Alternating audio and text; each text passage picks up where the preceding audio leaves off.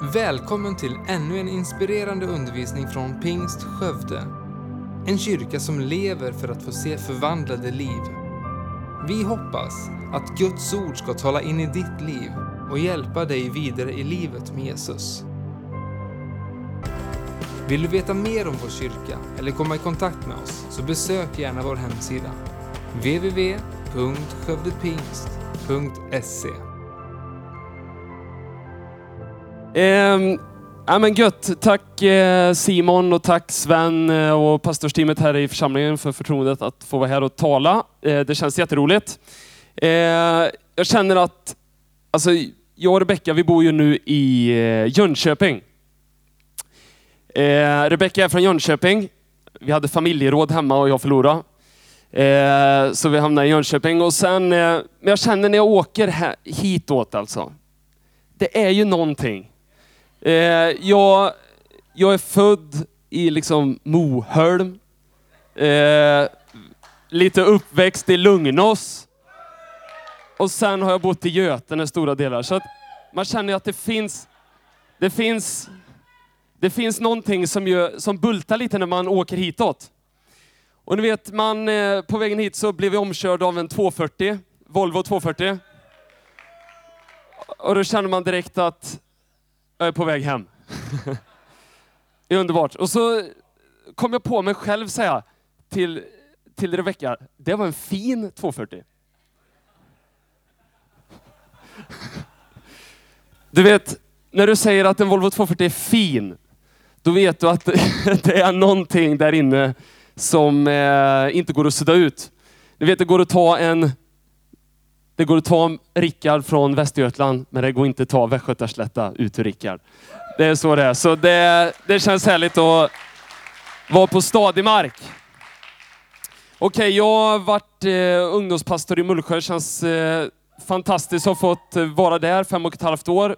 Jag och Rebecka, vi kände det nu när vi åkte förbi där att eh, det känns som hem. Man åker förbi hemmet så fortsätter man. Vi saknar verkligen det och samtidigt som vi trivs jättebra nu eh, jag har börjat eh, plugga. Eh, kommer där, cyklar till skolan, på med cykelhjälmen, ryggsäcken och liksom traskar in där på skolan och sätter mig, nej inte längst bak, det gjorde jag när jag var ung, kastade suddgummin och sånt, men nu är jag mer front row längst fram och är på hugget och sugen så här. Ehm, men det som känns väldigt roligt är att vi får vara med och bygga en kyrka där, eh, en församlingsplantering där vi får vara med i ledningsteamet, vilket vi är jätteglada för, jag och Rebecka. Eh, en kyrka som har startats för de som inte går i kyrkan. Eh, en kyrka som träffas på en nattklubb varje eh, söndag. När vi kom dit i söndag så luktade det spy från dagen innan. Eh, jag är första svabbansvarig. så det är bara att gå och svabba loss där liksom och, och eh. Så möts vi där till gudstjänst, väldigt speciellt. Eh, men nya människor kommer hit eh, och får upptäcka det här med det fantastiska med tron. Eh, och jag skulle bara vilja be en bön eh, för den här dagen, att eh, du får bara få en liten smak av det också. Eh, tack Jesus för att du är här mitt ibland oss. Tack för att du vill ge tro till den som inte har tro. Eh, tack för att du vill styrka den som har svag tro. Vi ber om att du är med varenda ord som sägs ikväll. I Jesu namn.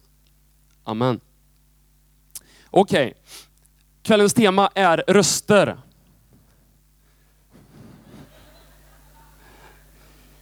Eh, ja, det, det, låt den sjunka in lite den här bilden.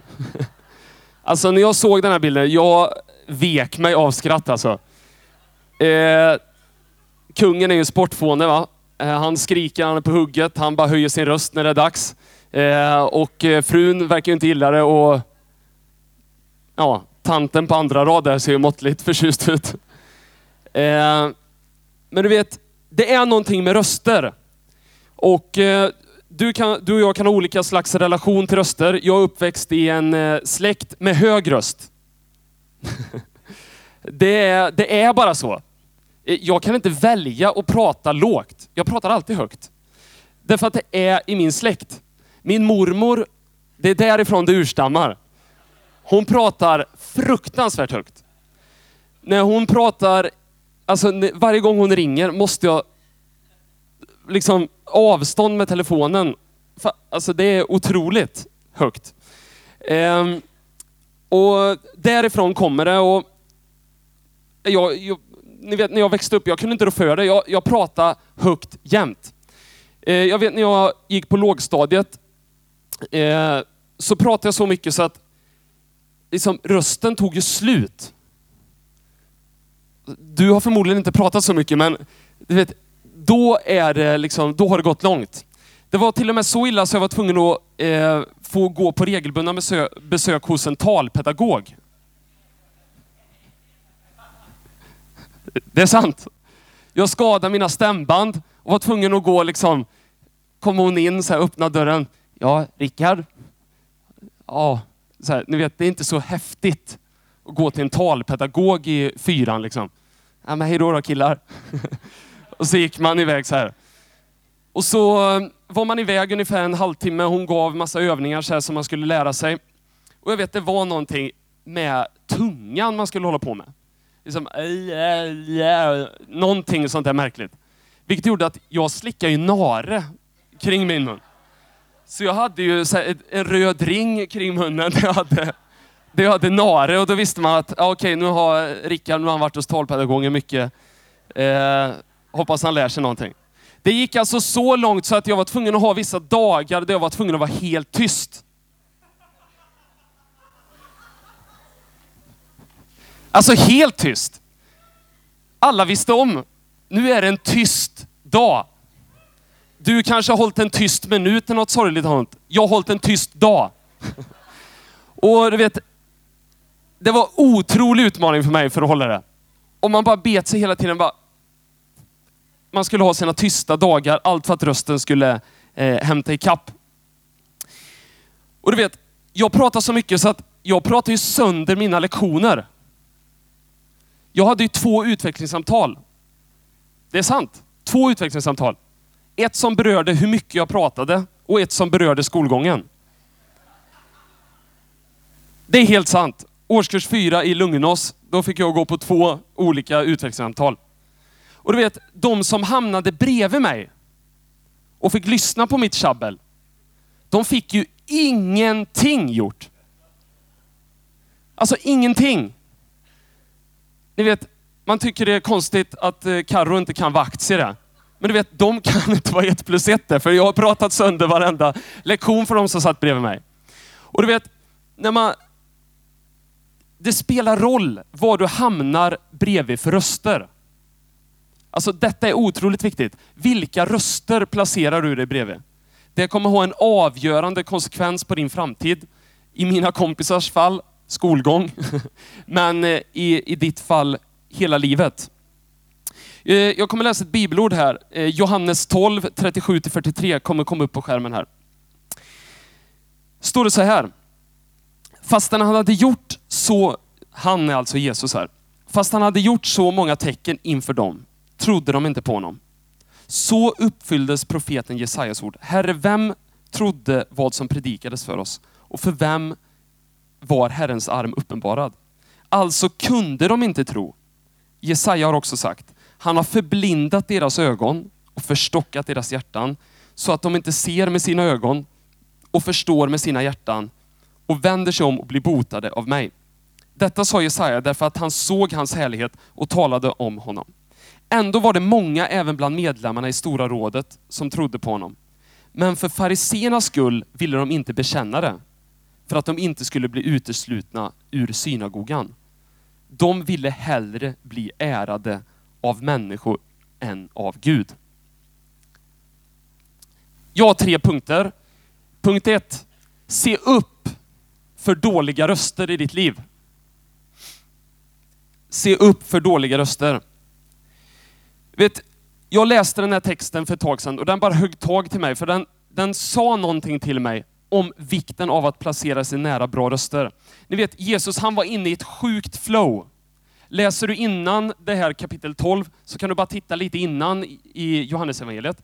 Då står det att han botade upp en, en man som heter Lazarus som var död. Väckte Jesus upp till liv. En man som var blind gjorde han så att han kunde se. Och dessutom red han in på en åsna, like a boss, in. Alltså då, då har man, det är liksom en bra vecka. Jag vet inte om det var inom en vecka, men det är ganska schysst tid innan den här punkten. Eller hur? Tänk om det händer dig på måndag. Liksom. Eh, men det var en stor folkmassa som hade sett eh, vad Jesus hade gjort. De hade lyssnat till hans röst. Alltså Jesus hade varit med och talat liv och hälsa in i människors eh, situationer med hjälp av sin röst. Och till slut så kommer vi till den här texten. Och profeten Jesaja ifrån gamla testamentet, han hade redan sagt det, här, det står om det i Jesaja. Han hade redan förutsagt att det här kommer att ske. Och Jesus hade kunnat göra precis vad som helst. Det hade ändå inte spelat någon roll. De kunde inte tro, står det. Ändå så är det ganska intressant. Det står att några kom till tro i Stora rådet.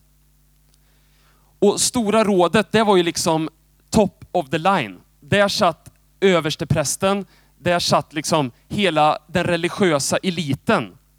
Den var placerad i Stora rådet. Ni vet, Jesu budskap, han når de allra lägsta, men hans ord, det når ända in bland de högsta också. Det når överallt. Det är aktuellt för alla. Och det hade nått in i det stora rådet. Några av dem hade kommit till tro, står det. Men, det finns ju alltid ett men. Det är så härligt med Bibeln. Det kommer alltid men. Då står det så här, men de var rädda för fariseerna och vad de skulle tycka. Ni vet fariseerna, det är ett, ett, liksom, ett gäng som är i ständig konfrontation med Jesus genom hela nya testamentet. Du kan titta gång på gång, fariseerna kommer upp hela tiden. Fariseerna trycker till Jesus. Jesus äger fariseerna med en massa gött snack. Och så får man märka att de, de är lite liksom i så här konflikt eller tycker olika hela tiden. Och Fariseerna, de var ett, ett, liksom en religiös grupp och ett parti. De hade mycket att säga till om. Så de som hade kommit till tro, de var rädda för vad de skulle tycka och tänka. Om de skulle bekänna att de hade kommit till tro. Inte nog med det så har vi ett till ord här. Eh, som är synagogan. De var rädda att bli uteslutna från den. Och man kan säga synagogan, det var inte bara där man firade gudstjänst, utan där var det liksom, där hände väldigt mycket saker. Det var centrum för ekonomin. Det var centrum för eh, liksom, eh, lagar och grejer. Det var centrum för gemenskapen. Det var så, det som höll dem tillbaka, det var att de var rädda för vad andra skulle tycka och för att de skulle gå miste om vissa saker. Hur många känner sig inte igen i den situationen? Du vet, det står i Romarbrevet 10 att den som i sitt hjärta tror och med sin mun bekänner. Det står att de trodde men de kunde inte bekänna. Ni vet, det var någonting som höll dem tillbaka. Och det var andra röster. De stod bredvid röster som talade negativt om tron. Och du vet, det kan bromsa dig i din liksom, tro, eh, resa liksom, eh, med Jesus. Allt vad alla andra tycker och tänker. Och du kan vara rädd att missa det där coola gänget. Du kan vara för rädd att gå miste om det där. Ni vet, vi, vi var i Laos med ett gäng ungdomar i, i um, Mullsjö förra hösten. Så fort de bestämde sig för Jesus, då blev de av med sitt jobb. Det var liksom likhetstecken. Kristen, inget jobb. Och det visste de. Ändå bekände de. Men här är det en grupp som inte vågar bekänna. Och det står att de ville hellre bli ärade av människor än av Gud. De hade hört och sett vad Jesus hade sagt och gjort, men ändå så kunde de inte ta tron fullt ut. För det var röster som blockerade dem. Okej? Okay? Du har fattat vad jag vill säga med det. Om jag bekänner, vad ska då alla andra säga? Och Då tänker jag att det finns eh, två eh, grupper kan man väl säga. Eh, just punkt ett du som på något sätt vill tro, bara att du är här ikväll tyder ju på någon form av nyfikenhet. Hade du varit skitskeptisk mot det här stället, då hade inte du varit här. Men nu är du här. Det är ett bra ställe att vara på. Och eh, du kanske står, liksom, du har en, liksom, någon längtan långt inne. Men så matas du av alla de här rösterna. Massa folk som säger att Jesus är fake. Gud är en sagofigur. Det är en, det är en påhittad story. Allt är en slump. Och så bara matas du med de där rösterna hela veckan. Du vet, till slut så kommer det bromsa dig. Om du inte väger upp det med något annat. Så, eh, liksom, vad vill du ha din ära? Vill du ha den hos Gud eller hos människor? Du vet, hos människor spelar ingen roll. Jag tänker så här ibland, vad gör det om hundra år? Det är ganska bra att ställa det i, i eh, liksom, vad säger man? Perspektiv. Det gör ingenting om hundra år. Okej, okay. den andra gruppen, det är kanske du som har varit kristen länge och tänker att ja, men jag kan det här nu. Jag vet hur vi rullar det här. Liksom, jag har koll. Jag, jag är så trygg, jag är så mogen, jag har växt upp och jag har liksom läget under kontroll. Så jag kan låta mig ta in av de här rösterna. Man placerar sig under röster som har negativ inflytande, men så tror man att man kan klara av det. Och Vi har ett exempel i Bibeln som är så tydligt. Och det är kung Salomo, eh, som är den tredje eh, kungen. Eh, kung Saul var innan, kung David, du vet David Goliat. Och sen, eh, ja det kanske inte lät så när han slungade stenen i, i pannan, men typ. Och sen så kom kung Salomo. Och kung Salomo, han är en intressant eh, eh, människa. Du vet, när man läser om hans framgång. Den här killen var tät. alltså han var löjligt tät. Han hade allt. Massa pengar, framgång, han var kung. Eh, det gick bra. Han fick äran att bygga templet. Bara en sån sak. Det är en av de mest stora grejerna som händer i hela Bibeln. Det var på hans uppdrag. Liksom, det gick bra nu. Så skulle man kunna säga. Saker och ting flöt på. Och Salomo fick till slut en fråga av Gud, där Gud säger, okej okay, Salomo, du får välja en sak så kommer jag ge det till dig. Du vet, en annan liksom, tänkte mig på lågstadiet eller något. Liksom. En Ferrari, wow! eller vad som, vad som helst. Här. Man, men du vet, Salomo han väljer så fromt. Fromt är också ett ord, men det, det är på något sätt passande här. Jag vill ha vishet. Okej. Okay. Ja, tunt. ja, nästan alltså. Man kan ju ibland undra. Men. Men han valde vishet. Och så säger Gud, bara för att du bad mig om just det så ska du få det. Okej, okay, han fick vishet och han var så vis. Så folk, det står att folk vallfärdade till honom. Det var liksom inte att du åker från Skövde till Skultorp. Du åker lite längre bort. Du vallfärdar någonstans. Folk reste långväga för att få lyssna till hans röst. Bara för att stå under hans röst. Snälla Salomo, kan du inte bara... De kommer i olika situationer. Kan du hjälpa mig? Kan du tala liksom vishet in i mitt liv och sådär? Och han hjälpte dem. Men så händer det någonting i Salomos liv. Och vi ska läsa ifrån Eh, första kungaboken 11, 1-4 står det så här. Kung Salomo hade vid sidan om faraos dotter många andra utländska kvinnor som han älskade. Moabitiskor, ammonitiskor, edomitiskor, sidoniskor, jag vet inte, eller helitiskor. Ja, det är underbart. Eh, det tillhörde folk som Herren hade talat om och sagt till Israels barn, ni ska inte gå in till dem. Och det inte till er, eftersom de kommer att förleda era hjärtan att följa deras gudar. Till dessa höll sig Salomo och älskade dem. Han hade 700 förstliga, förstliga gemåler och 300 bihustrur och dessa kvinnor förledde hans hjärta. När Salomo blev gammal förledde kvinnorna honom att följa andra gudar så att hans hjärta inte förblev hängivet Herren, sin Gud, som hans fader Davids hjärta hade varit. Vad kan vi lära oss av den här texten? Nummer ett, ha bara en fru. Det är en sanning som kommer fram i den här texten. Du vet, han hade tusen fruar. Tusen! Något gick ju snett alltså. Du vet, fruar ifrån alla möjliga och olika religioner, alla möjliga olika kulturer som talade saker in till honom. Du vet, han var den som satt högst upp på kunskapsberget. Det var han som alla gick till. Vem gick han till? Du vet, när han inte längre började gå till Gud med sina saker, då blev liksom de här grejerna, alla hans fruar och alla andra människor som var runt omkring de började tala in saker. De började med sina röster tala honom bort, förleda honom bort ifrån det som Gud hade kallat honom till.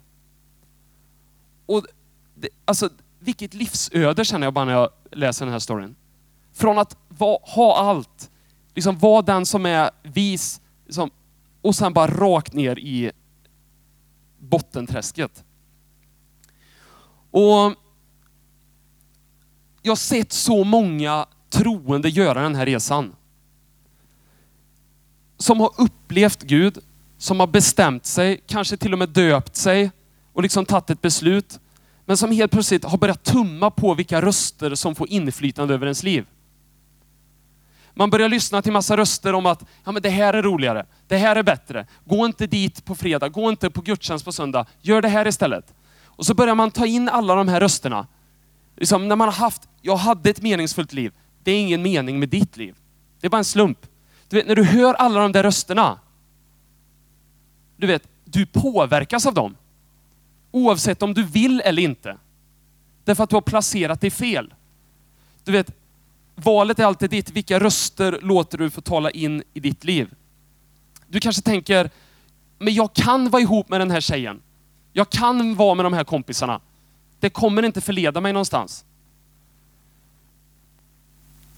Jag vet bara vad jag har sett och jag vet bara vad jag har hört. Jag vet alla samtal jag har haft om människor som har varit så på gång. Man har sett att Gud har gjort så mycket i deras liv. Man har sett allt, alla planer som Gud bara förverkligat i dem.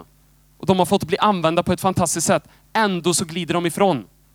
På grund av fel röster. Exakt så hände med Salomo. Han hade det tänket. Han tänkte att det är lugnt. Jag kan umgås lite med de här. Jag kan offra lite till den guden. Jag kan eh, tillbe den guden lite. Jag har ändå mitt på det liksom klara. Men det gled ifrån. Och Det handlar om att det är så mycket dåliga röster så att det blir en obalans i livet. Du ser bilden här bakom.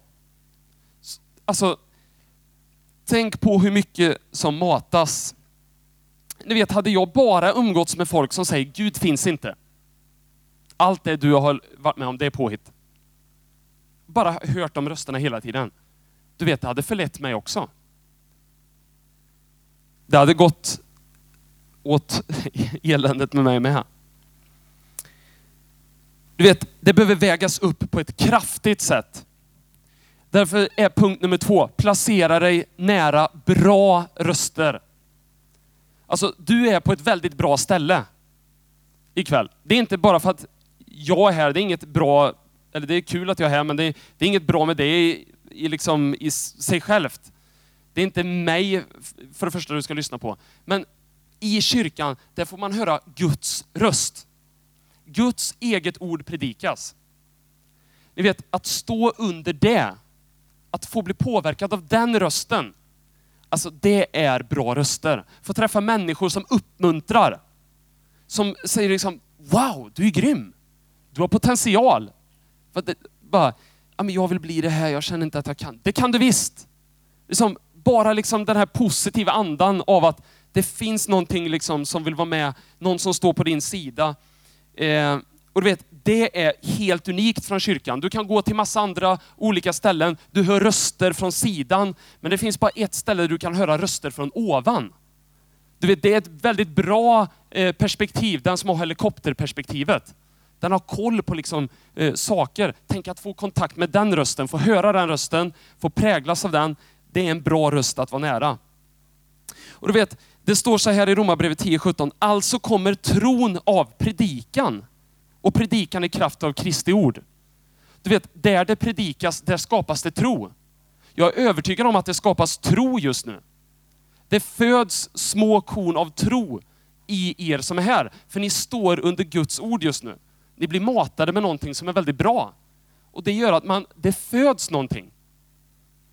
Och därför är det så bra att lyssna på undervisning. Jag har slutat gå i kyrkan. Jag undrar varför jag, varför jag börjar tvivla. Ja, man behöver inte vara Einstein för att lista ut varför det kommer tvivel. Om man på ett sätt bara skippar allt vad predikan, allt vad undervisning och sånt heter. Det är inte viktigt längre, tänker man. Ja, då zonar man till slut ut. Och där Guds ord talas ut, där föds tro. Och det är också därför an, den största anledningen varför folk inte tror. Därför de har inte hört Guds ord. De har hört åsikter om kyrkan. De har hört åsikter om religion. De har hört åsikter om Gud, men de har inte hört Guds ord. Du vet, när det börjar talas, då kommer det börja födas någonting. Eh, det kommer växa någonting. Och jag tänker att eh, liksom, det är så mycket dåliga röster ute i världen som bara påverkar dig, som leder dig någonstans. Det räcker liksom inte med att påverkas en gång av en bra röst. Det är någonting du behöver ha hela tiden, någonting kontinuerligt, någonting som fortgår. Att ständigt stå under bra röster. Det är väldigt, väldigt viktigt för dig. Och för mig. Och Jag skulle bara vilja säga dig, kyrkan är en väldigt, väldigt bra plats. Där du kan få höra Guds ord vecka efter vecka, söndag efter söndag, fredag efter fredag. Jag och Rebecka, min fru, vi har bestämt oss, söndagen, det är en dag för Guds, alltså umgås med Gud. Det är en dag för kyrkan. Det är någonting vi prioriterar för att gå till kyrkan. Det skulle jag vilja rekommendera till dig. Det är en väldigt bra rutin. Därför att då ställer du dig under bra röster som talar Guds ord och du liksom hamnar i balans i livet mot allt som du bara attackeras av vecka ut och vecka in. Och du vet, vi har mött människor i kyrkan i Jönköping eh, flera veckor i rad nu som har kommit för första gången och sedan skickat sms till oss i ledningsteamet och sagt, jag är inte densamma längre. Jag är inte densamma. Någonting hände när jag var på gudstjänst hos er. Jag, jag har ingen aning om vad, men någonting hände. Jag är inte densamma.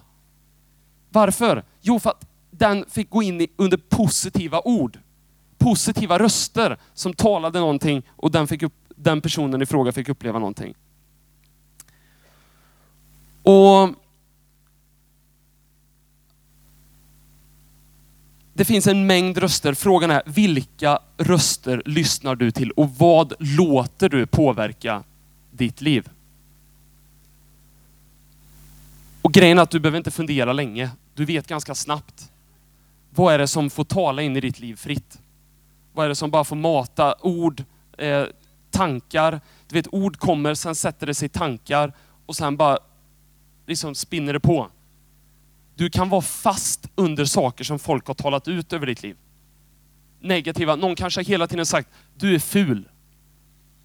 Men det är ingen sanning. Du är skapad i Guds avbild. Gud är inte ful. alltså, det kan vara folk som bara talar ner saker som greppar hela ditt liv. Som jag tror att det är sådana saker som behöver bli löst ifrån dig. Jag vet inte vad det är för bojor som ord har fastnat eh, över dig. Ingen aning. Jag vet bara saker som jag har påverkats av. Jag har varit nonchalant i mitt liv. Jag har trott att ja, men det spelar ingen roll. Jag kan vara var som helst, hur mycket som helst. Jag kan skippa kyrkan. Kyrkan är, liksom, det är andra plats, tredje, fjärde, femte plats. Bara bort. Liksom, jag går dit ibland när det passar mig.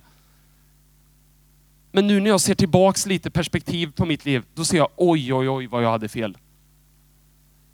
Du vet när man som Salomo tror att man är kung av vishet. Kom inte och säg, kom inte och säg något till mig. Kom inte och säg vad jag ska göra. Det vet jag bäst. Du vet ibland kan du behöva någon som kommer med en röst som talar dig till rätta. Och just nu tror jag det är flera personer som känner hur Gud bara Ta fram vissa saker i ditt liv. Vissa saker, du vet precis vad det är. Det är inget du behöver säga högt, det är inget som du behöver liksom, ja men det här, utan du och Gud, ni, det håller på att göras upp just nu där du sitter. Eh, väldigt, väldigt viktigt. lovsångsteamet kan eh, komma fram. Så ska vi ta punkt nummer tre. Och eh, detta är det absolut viktigaste som du kan välja att göra. Det är att ta emot Jesus och hans röst. Du vet, när man tar emot Jesus och lär känna han personligt, då säger man också, okej okay, Jesus, jag är beroende av din röst in i mitt liv. Jag vill att du ska tala in i mitt liv. Och du vet, det är det som är så spännande med att ha en relation med Jesus och, och tro på Gud och sådär. Det är inget liksom man tror på som var då. Det är inget som man tror ska hända sen. Utan det är nu. Det är nu man kan få den relationen. Och Det är väldigt spännande när man börjar liksom eh, på något sätt umgås med Gud och få höra hans röst tala in i ens liv. Då är det väldigt spännande. Jag tänker, det finns två grupper framförallt som jag tänker att du kan identifiera med dig med utifrån min predikan. Punkt nummer ett, grupp nummer ett. Det är den här första gruppen. De i Stora rådet, de som hade fått en tro men inte vågade bekänna. De som på något sätt hade någonting, Gud hade gjort någonting, men de var så rädda för andras röster. De var så rädda för vad alla andra skulle tycka och tänka. Sitter du här och så bara längtar, ja men jag, jag tror att jag tror egentligen. Men så är det, det, det du är rädd för. Vad ska alla andra säga? Vad ska de där säga? Tänk om jag inte får vara med där? Tänk om inte jag får vara med i min synagoga eller vad det nu är där, där du är. Och så är man rädd för att man inte är beredd att betala priset. Men frågan är, vill du ha din ära hos människor eller vill du ha den eh, hos Gud? Tillåt inte de rösterna att hålla dig tillbaka. Alltså, det är inte värt det. Det är inte värt det. Punkt nummer två. Gruppen. Du som kanske har varit troende, du tänker att bara, jag har koll på läget. Jag tror att liksom jag och Gud, vi är så. Men jag kan, jag kan lyssna till allt det här. Jag kan liksom ha allt det här. V vad menar du nu Rickard? Får jag inte liksom gå utanför kyrkväggarna? Absolut, det är där du ska vara. Det är där du är nämligen mesta delen av din tid. Men du ska vara väldigt viktig vad du låter dig få tala in i ditt liv. Vilka röster som får ha mest inflytande över ditt liv. Alltså, du kanske tror att du är kung, du kanske tror att du har koll på läget. Liksom, jag vet hur mitt liv kommer lira. Men så kommer alla de här relationerna som mer och mer blir fasta. För Salomo blev det tusen fruar. Du vet när han hade eh, sin enda fru. Jag tror inte, hade du frågat han liksom, ja, tror du att du, eller du kommer ha 999 fruar till om ett tag här? Jag tror inte han hade trott på det. Men du vet, sakta men säkert gled han ifrån. Därför att andra röster talade in negativa saker i hans liv. Frågan är, vilken röst har påverkan i ditt liv? Du vet, varje söndag hemma i, i Jönköping och i den kyrkan vi är med, då bjuder vi in till frälsning därför vi tror att det är det viktigaste man kan göra. Vi tror att det är det absolut viktigaste. Och den möjligheten kommer du eh, få ikväll här också. Och det är egentligen därför vi samlas här. Därför att vi bara längtar efter att människor ska få komma till tro. Och vi vill bara hjälpa dig framåt. Eh, och vi har sett den senaste tiden, för några veckor sedan i Jönköping, då var det en när vi bjöd in som räckte sin hand. Bara, när vi sa, vill du ta emot Jesus i ditt liv? Då räckte han sin hand. Och du vet, där händer det någonting. Det kan verka enkelt, men du vet, det är mest att du säger ditt ja till Jesus. Det är ganska enkelt. Men det är samtidigt ganska svårt. För frågan är, vad är det för röster som håller dig tillbaka? Men du vet, när han räckte sin hand, du vet, det är någonting som har hänt. Vi tror att det är det viktigaste beslutet man kan göra. Att släppa in Jesu röst i sitt liv. Så vi kommer göra så, vi kommer ha en, en bönestund. Vi kommer snart be. Du kommer få möjligheten att räcka upp din hand. Och du kommer inte behöva komma fram här eller du kommer inte behöva göra någonting, utan bara liksom räcka din hand och sen kommer vi be tillsammans. Så jag vill bara att vi eh, böjer huvudena här i lokalen. Jag vet att vi, ni brukar göra så här i, i, eh, på Reclaim och här. Eh, böjer våra huvuden allesammans och blundar och så tänker du bara nu. Vad är det för röster som får ha inflytande i ditt liv? Vad är det för röster som får ha inflytande i ditt liv? Tack för att du lyssnat. Titta gärna in på vår hemsida www.skövdepingst.se för att få veta mer om oss. Och glöm inte att du alltid är välkommen till vår kyrka